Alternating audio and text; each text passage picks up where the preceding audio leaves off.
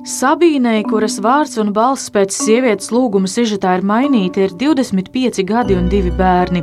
Katram bērnam ir savs tēvs, ar abiem vīriešiem attiecības pārtrauktas vardarbības dēļ. Savu identitāti sieviete lūdz neatklāt, baidoties no bijušo partneru dusmām. Kad prasu, ko cer sagaidīt nākotnē, atbild, ka grib izmācīties, varbūt par žurnālisti.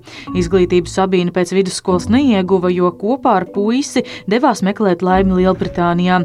Tur arī arī palika stāvoklī un saskārās ar vardarbību. Viņš tikai gribēja uh, to bērnu sanākt tā, lai dabūtu Anglijā māju dzīvot, jo tur dod tā kā piešķir māja, tev ir ģimene. No darba kolēģiem uzzinājusi, ka aiz mīlestības stāv vienīgi materiālās intereses, Sabīne nolēma šķirties un braukt atpakaļ. Tā viņš palika agresīvs. Sāka arī iedzert, ka uznāca dusmas iedzērs, tad viņš man nogrūda zemē un spārdīja kājām. Es tev bērnu izstīšu no vēdera ārā. Tikmēr, kamēr viņš bija fabrikā aizgājis strādāt, es sarunājos to dienu šoferi pa kluso braukt Latvijā apakaļ. Latvijā Sabīne drīz iepazinusies ar nākamo partneri, kas pieņēmis kā jauno meiteni tā viņas bērnu, abus pilnībā uzturējis. Agresija sākusies līdz ar abu kopīgā bērnu ienākšanu ģimenē. Tā kā vīrietis sievieti uzturējis, tad uzskatījis, ka bērnu aprūpē viņam nav jāiesaistās. Par to sākušies strīdi, apsaukāšanās un roku palaišana. Bet es laiku turējos, kopā gribēju būt un tā. Tāpat nekas nemainījās. Jaunā sieviete vārdarbību piecieta. Vīrieša tēvs jaunajai ģimenei vēl piešķīra pašiem savu māju laukos. Kontaktēties neļāva ar vienu. Vispār bija ļoti traki, tad viņš skrēja virsū. Tad es runāju ar mammu pa telefonu, viņa to dzirdēja. Tad sarunāju, ka braukšu pie viņas dzīvot. Ekonomiskā atkarība ir viena no izplatītākajām, taču mazāk apspriestajām vardarbības formām. Varmāka rada apstākļus, kuros upuris nestrādā un nepelna, ir daļēji vai pilnīgi atkarīgs no dzīves biedra, kas tur naudu pie sevis un kontrolē, kā to izlieto.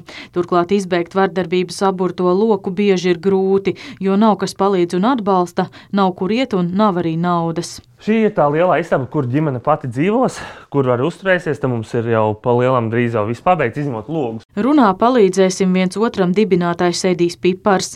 Divi stabu dzīvokli biedrība iegādājās ārpus Rīgas, vietā, kur varmāka, kā paši saka, cietušo nevarēs uzmeklēt.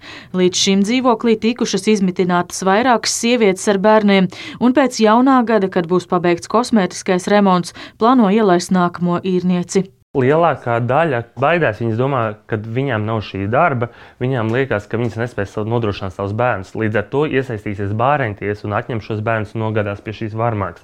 Šīs ir lielākās bailes tieši māmiņām. Un tāpēc viņas ir tās finansiāli atkarīgas no varmākām. Atšķirībā no krīžu centriem, Edija Pipara vadītā biedrība un resursu centrs Marta dzīvokļus piedāvā momentā, bet formalitātes kārto pēc tam, stāsta resursu centra Marta pakalpojuma daļas vadītāja Irina Mazurika.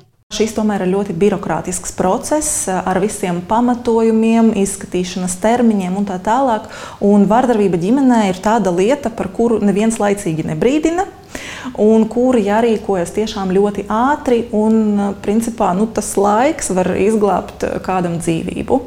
Arī adreses šiem dzīvokļiem tur lielā slepenībā, bet krīžu centru atrašanās vietas agresoram ir zināmas un upuri tad var atrast. Tāpat uzturēšanās laiks krīzes centrā ir īsāks. Ziemassvētku labdarības maratonā dod pieci. Šogad ziedosim fonda pirmais solis izveidēji. Fonds būs virtuāls maciņš ziedot LV paspārnē, un tajā glabāsies nauda atbalstam tām personām, kas grib pamest neveselīgas attiecības, bet baidās vai finansiāli spēs nostāvēt uz savām kājām. Nauda būs gan īrē, gan salauzto mēbeļu un citu sadzīves lietu salabošanai, veselības sakārtošanai, transporta izdevumiem, bērnu dārzam un vēl. Šobrīd nekā tāda tāda nav. Turpina Irina Mazurika no centra Marta. Tādām eh, pirmās nepieciešamības precēm principā neviens nu, tādu tā kā finansiālo atbalstu vispār nedod. Eh, šī problēma ir aktuāla un vēl jau vairāk aktualizējās eh, pandēmijas laikā.